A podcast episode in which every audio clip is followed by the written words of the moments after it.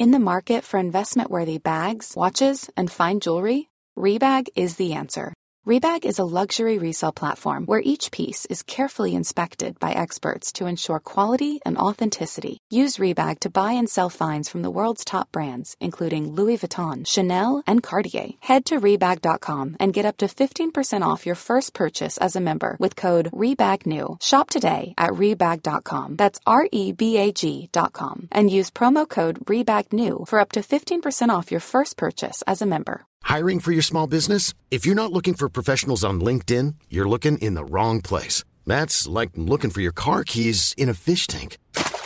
LinkedIn helps you hire professionals you can't find anywhere else, even those who aren't actively searching for a new job but might be open to the perfect role. In a given month, over 70% of LinkedIn users don't even visit other leading job sites. So start looking in the right place. With LinkedIn, you can hire professionals like a professional. Post your free job on linkedin.com slash people today. Planning for your next trip? Elevate your travel style with Quince. Quince has all the jet-setting essentials you'll want for your next getaway, like European linen, premium luggage options, buttery soft Italian leather bags, and so much more. And is all priced at 50 to 80% less than similar brands. Plus, Quince only works with factories that use safe and ethical manufacturing practices. Pack your bags with high-quality essentials you'll be wearing for vacations to come with Quince. Go to quince.com slash pack for free shipping and 365-day returns.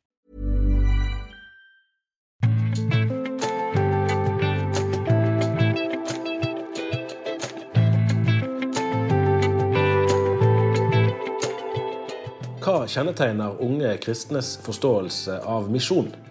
Det er spørsmålet vi stiller i denne ukens episode av Tore og Tarjei.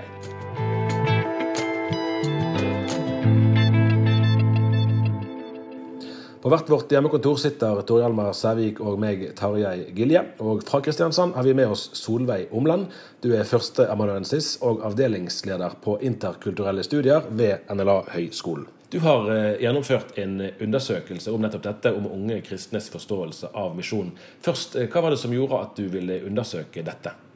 Ja, Takk for at jeg fikk komme og få snakke om dette. Jeg kan si litt om hvorfor jeg er interessert i det. For det første så er jeg veldig interessert i religion og tro i vår tid. Både på individuelt og samfunnsplan. Og særlig unge syns jeg er veldig spennende å forske og forstå når det gjelder tro. For de, de preges veldig av samtida vi lever i. Og så syns jeg jo òg misjon er, er veldig spennende. Eh, det er jo eh, noe som er i endring. Engasjementet har endret seg. Antall misjonærer som reiser fra Norge, har dalt.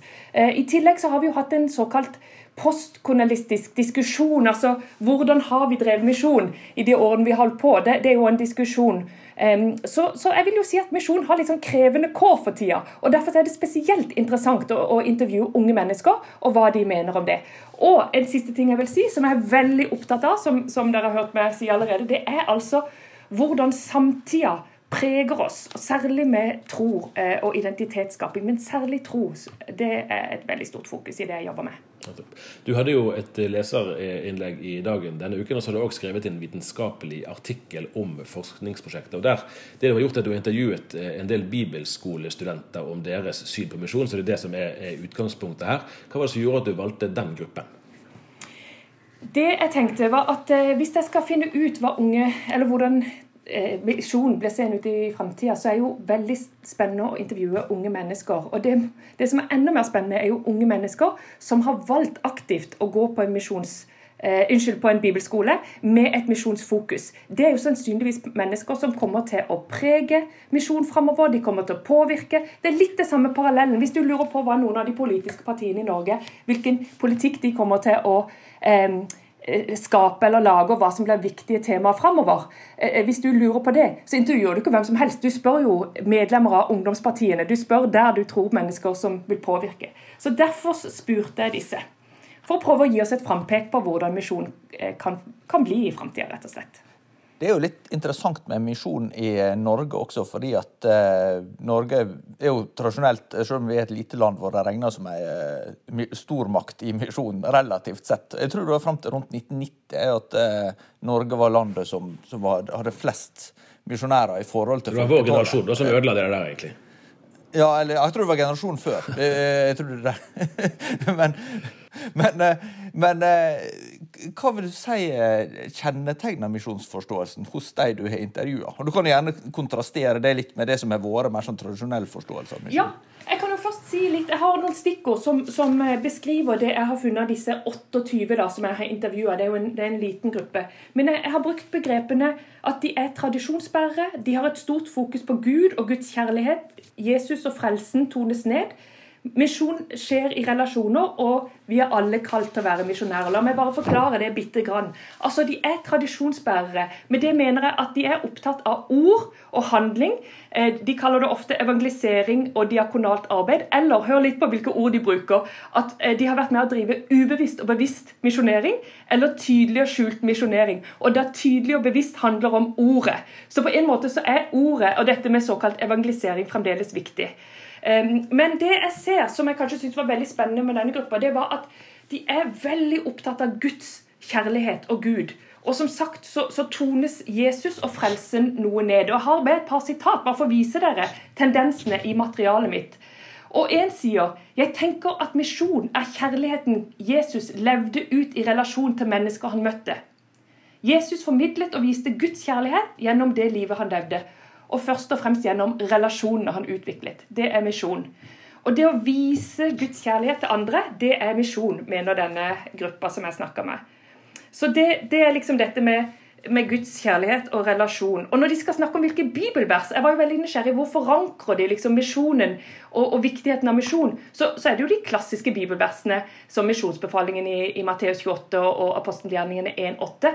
Men som én sier eh, Eller de, de, bruker mye sånn nestekjærlighetsbibelvers og Guds kjærlighet. Og én sier bibelverset i 1. Johannes 4, 19, Vi elsker fordi Han elsket oss, først. Det er det mest sentrale bibelverset om misjon. Og så dette siste poenget, som jeg har gjort et poeng ut av min forskning, at de sier vi er alle kalt. Vi er alle misjonærer. Jesus eh, og Gud har kalt oss, eller de, de, sier jo ofte Gud har kalt oss til å være misjonærer. Misjon kan skje overalt. Og da er det i kor, på fotballbanen, i kantina, på skolebenken, hos naboen på tur, fest. Ja, overalt. Og, og de anerkjenner at noen må reise til andre steder og, og eh, fortelle Jesus til mennesker som ikke kjenner evangeliet. Men, men, de eksemplifiserer veldig mye fra at jeg har vært leder for jentegruppe fire til syv år. Nei, fire til syvende klasse. Jeg har vært med som leder på konfirmant, konfirmantleir osv. Dette er også misjon. Så, så de, de, oppsummerer og sier at vi er alle kalt, vi er alle misjonærer. Og så eh, oppsummerer de med, med følgende, for å si det som det Misjon er jo så mangt. Og som en annen sier, kun fantasien setter grenser. Men hvis jeg kan få lov til å si, de, de, det som er litt gøy i materialet mitt også, er at de, de, kjenner jo litt på disse spenningene. Eh, no, noen sånne spenninger. Og to viktige spørsmål som kommer opp, er hvor går grensen for hva som egentlig er misjon? Og, og, og, og jeg er egentlig sjøl misjonær. Eh, så de, begynner en refleksjon i dette i intervjuene jeg gjør. Eh, og, en spør liksom Misjonerer man hvis man handler etter kristne verdier uten at noen vet at den er kristen? Eh, fører dette mennesker nærmere Gud? Er dette misjon? sant? Og når det gjelder dette med er misjonær, så er det det Ja, jeg, jeg føler meg jo kalt, men, men jeg er misjonær. Kanskje det jeg holder på med, er å misjonere. sant? Så de, de, de, de, har disse problemstillingene som de tar opp da. Eh, eh, med dette. Så det er liksom de hovedfunnene om hvordan de oppfatter misjon. Kan du si noe om, om eh, denne gruppa på 28? Altså, er, de er jo bibelskoleelever, som, som, du nevner. Men, men er, de, eh, er de fra samme miljø? Altså, ser du noen sånn forskjell på det? Eller har de, altså, nokså lik bakgrunn? Ja, de, de har nokså de, de, Dette er jo utvalgskriterier, som du nå er inne på. De har nokså lik bakgrunn, men de er fra hele landet. De har jo kommet for å ha et år på, på bibelskole. Begge kjønn er representert, riktignok flere kvinner enn menn. Eh, det har også med at det er flere på de, eh, de gruppene jeg var i kontakt med, der er det flere kvinner enn menn. Mm. Så jeg kan ikke se, Og, og Frikirke versus Norske kirke, jeg, jeg, var ikke inne på de. Jeg var mer interessert i om jeg så noen generelle tendenser for den, den gruppa. Mm. Det er bare sånn praktisk eh, det er tilleggspoeng også, at det, det er ikke i hermetegn bare at det var bibelskole, men dette var òg en bibelskole som har et langt utenlandsopphold. Yes. Sånn at dette er liksom, mm. som du beskrev ja. parallelt til politiske uh, undersøkelser, at dette er det som maks scenario. Da, på en måte, dette er de som virkelig skulle ha de beste forutsetninger for å være opptatt av misjon. Det er deres eh, Ja, de er ikke et tilfeldig utvalg heller. Nei, nei. for de det er jeg veldig bevisst fra min side. Mm. Men dere var så vidt inne på dette med om, om, om vi ser noen forskjeller fra eh, tradisjonell forståelse eller andre. Du spurte jo så vidt om det, Tore Hjalmar. Og der, der må jeg være litt sånn kjedelig forsker i svaret mitt. fordi jeg, har studert kun denne gruppa. Jeg har ikke vært inne og sammenligna intervjuer andre grupper. Men dette er vel et forum hvor jeg kan synse litt grann, og vi Ja, kan stille litt spørsmål. Er det ikke det? Så, Det er altfor alt få akademikere som synser ja, ja, ja, ja, ja. Men, men, eh, men hvis vi leser om misjon eh, eh, og, og, og leser misjonsforskning og, og hvordan misjon har vært forstått, hvis vi går inn i sømmene for hvordan misjonsorganisasjoner tradisjonelt har jobba og hatt fokus, så tror jeg jo at dette er et litt annet fokus. Kan jeg få lov til å spisse det litt og si min bestemor, som både eh, ledet og var aktiv i misjonsbasarer, f.eks. Jeg tror ikke de samla inn penger til søndagsskolearbeid eller, eller for eh, f- eh, fjerde til syvende klasse grupper. Altså det var ikke det. Det var jo mye mer fokus utadrettet, ut av Norge, til, til mennesker i andre land osv. Selv om vi har jo hatt indre og ytre misjon osv., men der tror jeg det er en stor forskjell. Og så tror jeg, men dette er også bare min synsing, mange av de aktivitetene eller tingene som, som, som denne gruppa snakker om, er misjon. Det tror jeg faktisk F.eks. ikke min bestemors generasjon, da, som, som også tenkte om misjon. Jeg, jeg tror ikke de ville ha nevnt samme eh, Vurdert det som misjon, de samme såkalte aktivitetene. Nei, det er jo, dette er jo helt utrolig interessant eh, materiale. Sant? Og på det punktet der så kjenner jeg jo igjen for så vidt Jeg studerte misjonsvitenskap på NLA for eh, 15-16 eller hva det er for noen år siden. Og da, var jo dette begrepet misjonal eh, liksom i ferd med å bli etablert. Og det var jo nettopp dette at, at misjon skulle forstås bredere enn den direkte forkynnelsen. Sant? Og eventuelt den direkte, sånn tydelig misjonsdreven diakonien. Så på en måte er jo dette en anvendelse av, av det som var en, måte, en villet tenkning den gangen. Mens andre ting, f.eks. det med at man betoner eh, Guds kjærlighet over eh, Jesu frelsesverk, er jo ikke nødvendigvis eh, intendert sant, fra, fra studentens side, men det, det blir vel ut, en frukt av sikkert mange ting, da, men bl.a. Av, av trekk i samtiden. Og kanskje kan man ane, det vet vi ikke, da, kanskje kan man ane at det er en viss sånn kontrast til at man vil ikke være mørkemenn og svovelpredikanter. Kanskje. I den vitenskapelige artikkelen, som, som er på en måte litt lengre enn den som vi kunne trykke eller publisere i avisen, så skriver det at unge mennesker i dag er ikke passive mottakere av religiøs sosialisering. Og her kan vi jo snakke om individualisering som en sånn Og det er jo en, en trend i, i samfunnet generelt sett som gjerne òg preger disse Kanskje mer enn det har gjort det før. At man er liksom sin egen eh, religiøse arkitekt, så å si. Hva, hva ser du der av funn?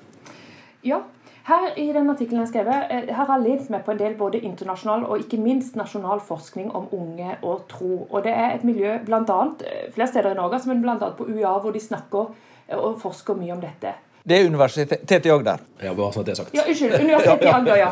Ja. Eh, eh, Men, men der er det ei som, som bruker tre begrep som jeg syns kan forklare mye hvordan unge, unge troende eh, manøvrerer i dette landskapet. Ida Marie Høeg. Og hun snakker om at de er aktører, fornyere og autoriteter. De er, de er ikke passive, de er aktører i sin egen religiøsitet. Eh, De, de, eh, de har en kritisk autonomi. De prøver å finne svar eh, og, og mening. Så de er aktører, og de er fornyere. De, de prøver ut dette religiøse, de omprøver som hun skriver, osv. Og, så og dette er med og former det religiøse landskapet og religiøse bevegelser. Og så er de òg det vi kaller religiøse autoriteter. De, de gir rett og slett ikke kirken, kirkens lære, prester De får ikke så mye autoritet som vi kanskje har sett tidligere. Sånn at denne unge gruppa de, de, de, tenker at sånn som de vurderer det, det gir de autoritet. De, de stoler ikke nødvendigvis så mye på læresetninger, plukker litt her og der osv. Og så ser vi også noe som er veldig interessant. at dette er det, eh, Forskere har også kalt denne gruppa for den første postkristne generasjonen i Vest-Europa. Eller i Vesten, hvis vi kan si det, og i Norge. Og, og vi ser også en veldig sekularisering. Og, og det som vi ofte forstår sekularisering som, er at religion løsrives fra samfunnssektorer, andre samfunnssektorer.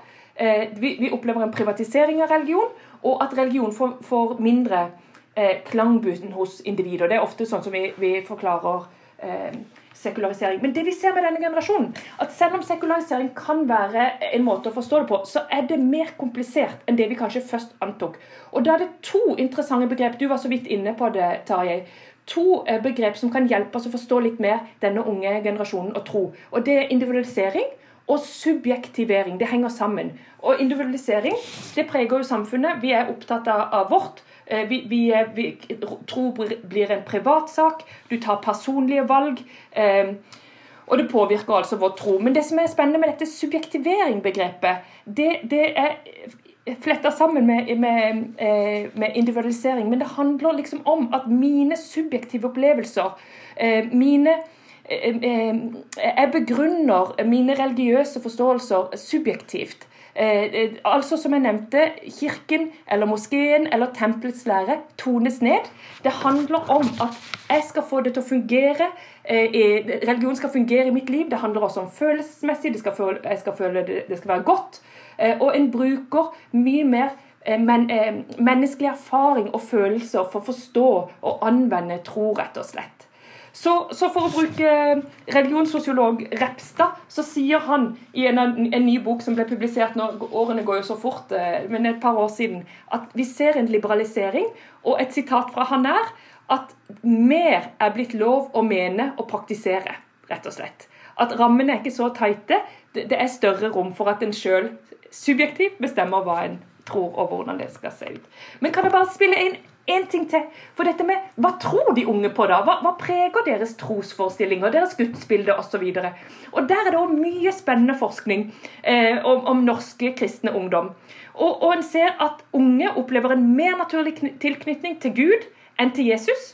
Eh, Den hellige ånd kan forstås som en tilretteleggelse og skaper av de gode følelsene. Gudsbildet er prega av en koselig majestet, en kjærlig Gud. Det er lite snakk om dømmende Gud. Eh, og, og, og, et forskningsprosjekt som, som var eh, fra en kristen eh, sommerleir, så at, at synd, f.eks., og menneskets behov for, for, frelse, det ble sjelden snakka om. Og hvis det ble snakka om, så reagerte ungdommen negativt på det.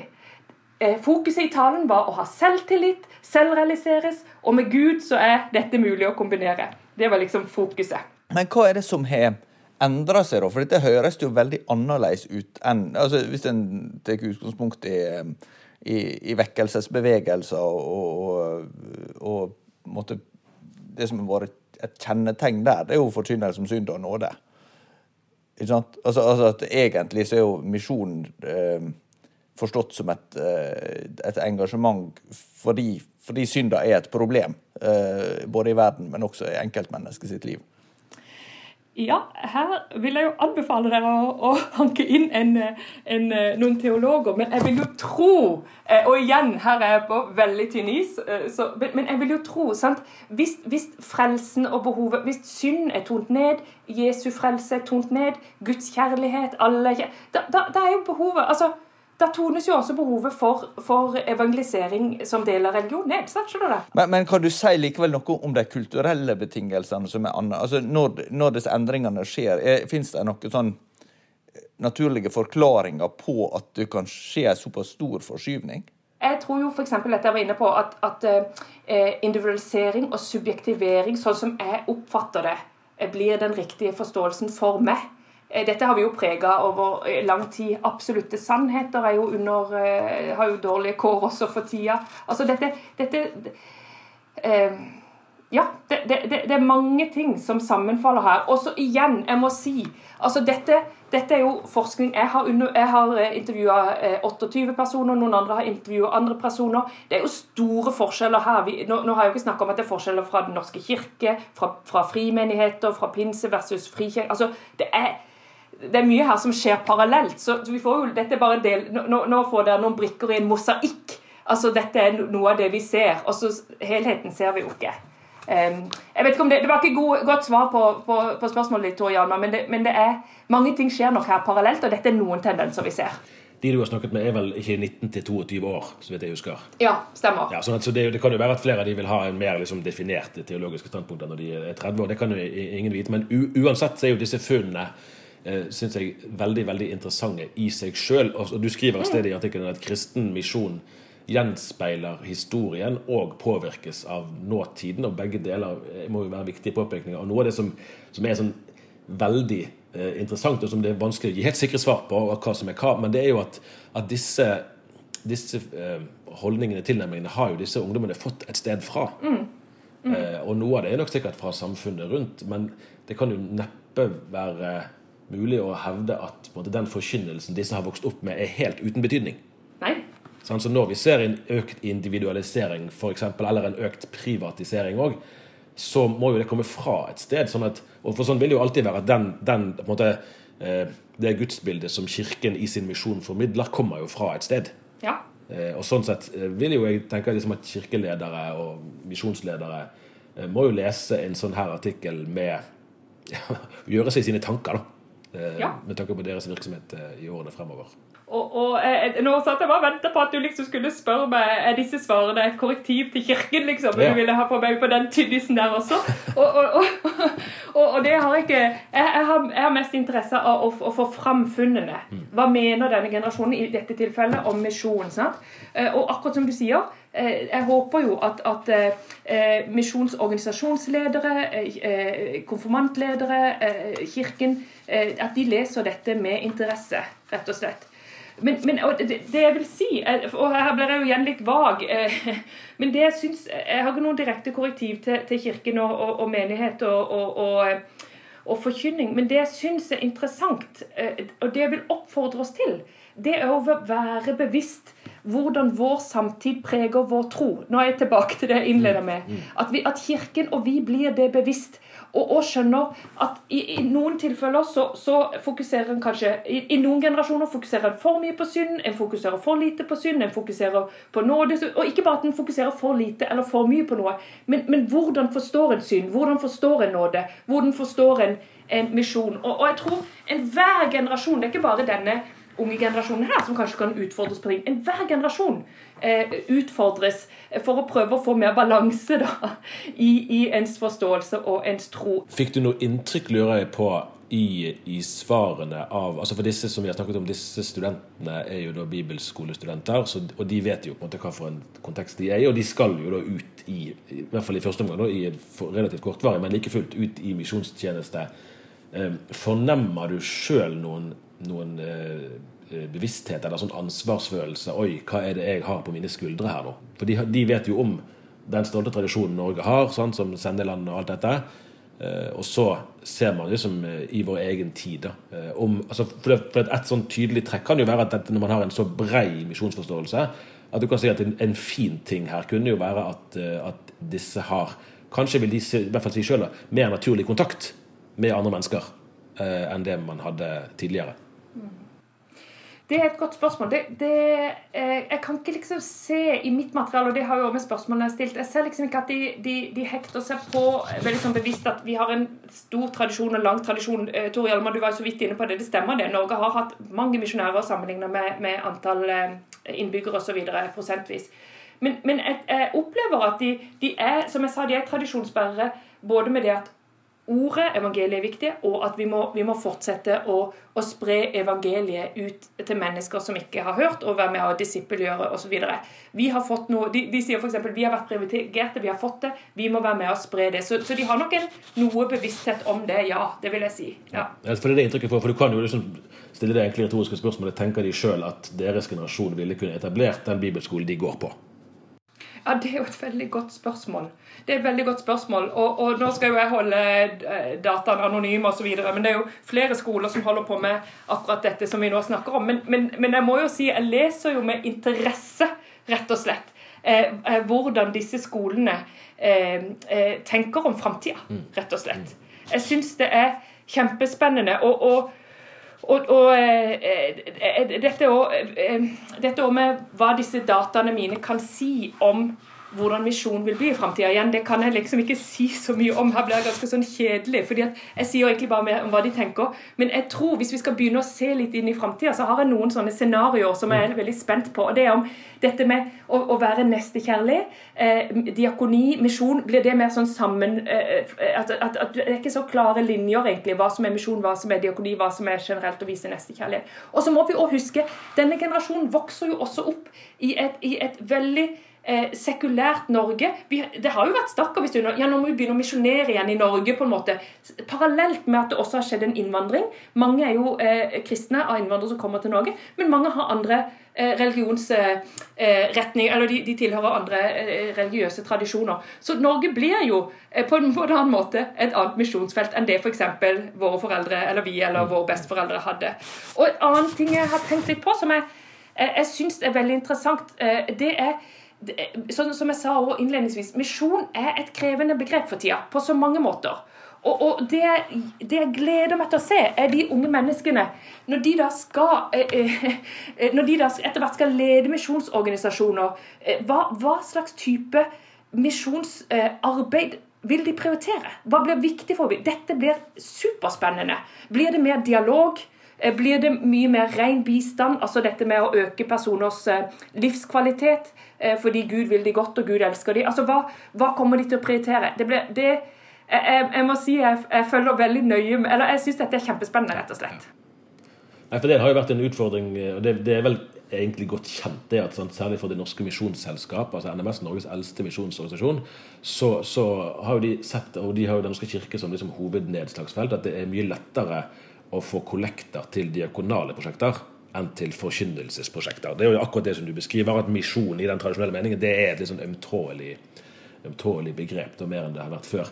Eh, men likevel, der er ett trekk, og er jo, her er jo kanskje et, et, moment der denne gruppen kanskje skiller seg litt da, fra en del av sine jevnaldrende. Og det er jo når vi kommer til, til eh, tanken om livets to utganger. Altså at det finnes en, en ja. eh, fortapelse. For der er jo, hvis man, hvis man, tenker det helt konkret at de som ikke kjenner Jesus, eh, går fortapt, kommer til helvete Eh, så er jo på en måte kan jo det i hvert fall være en ganske solid motivasjon for å drive misjon, fordi det står så mye på spill. Mens hvis man ikke har den forestillingen like skarpt, så, eh, så er jo på en måte det sånn akutte behovet for misjon kanskje ikke så fremtredende.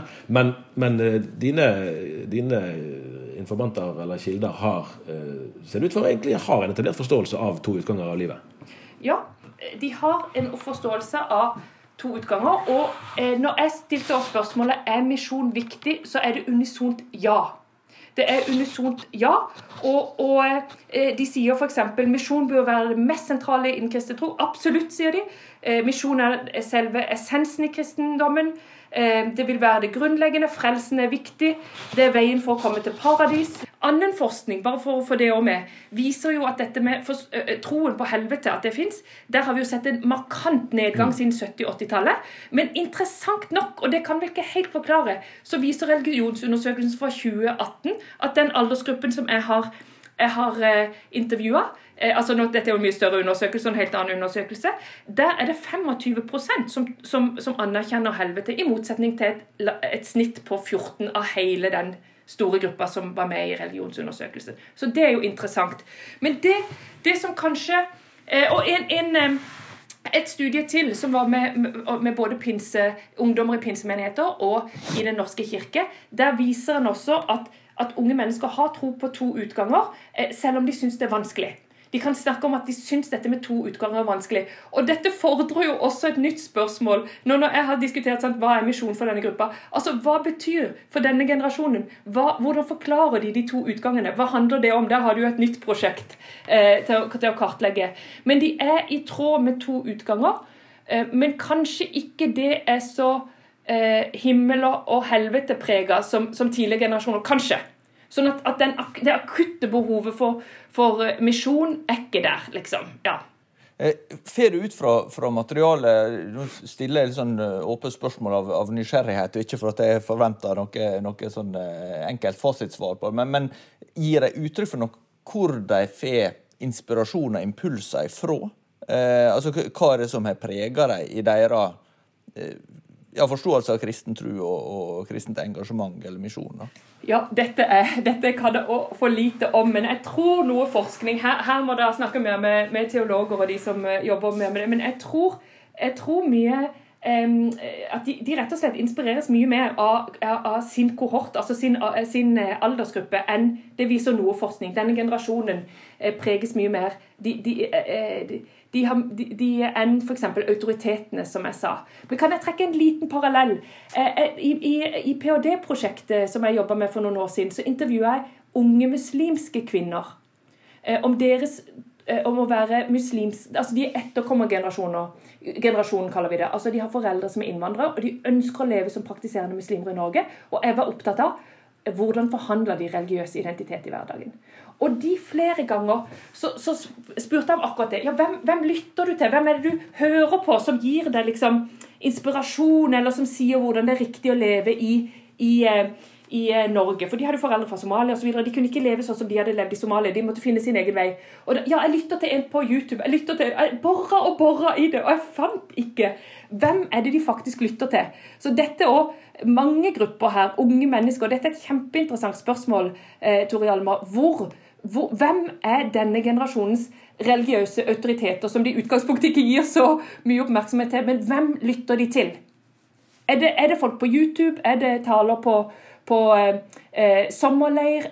Lytter de til podkaster, sånn som jeg gjør med taler? Hva, hva gjør de? sant? Ja, det er jo eh, kanskje en passende plass å, å ende når en, eh, to journalister møter en forsker. Vi har stadig flere spørsmål. ja. ja det, er jo, det, er jo, ganske ja, Alle gode forskningsartikler slutter vel med, med som fortsetter hva man bør forske mer på. ja, og, dette, at dere inviterer, at, eh, at, Dagen som et medium eh, inviterer forskere, har jeg supersansen for. Og, og, vi plukker jo opp ting som dere publiserer, inn i vår forskning. Og er det lyttere som har interessante observasjoner, eh, må de bare tipse liksom, hvis det er fenomener de gjerne skulle sett hva forsker mer får. Mm, så det, det, er et godt samspill. Ja. Og så kan dere være sikre på at fremtiden blir ikke sånn som vi tror. Det er jo det sikreste om fremtida. Veldig bra, Solveig. Mange takk eh, for at du ville eh, være med. Jeg tror vi må si at det var det vi rakk i denne omgang, men vi er tilbake neste uke. Ha det bra så lenge.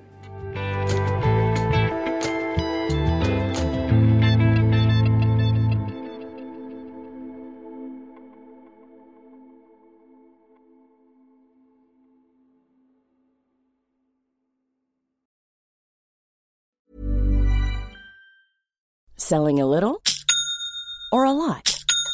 Shopify helps you do your thing however you cha-ching. Shopify is the global commerce platform that helps you sell at every stage of your business. From the launch your online shop stage to the first real life store stage, all the way to the did we just hit a million orders stage.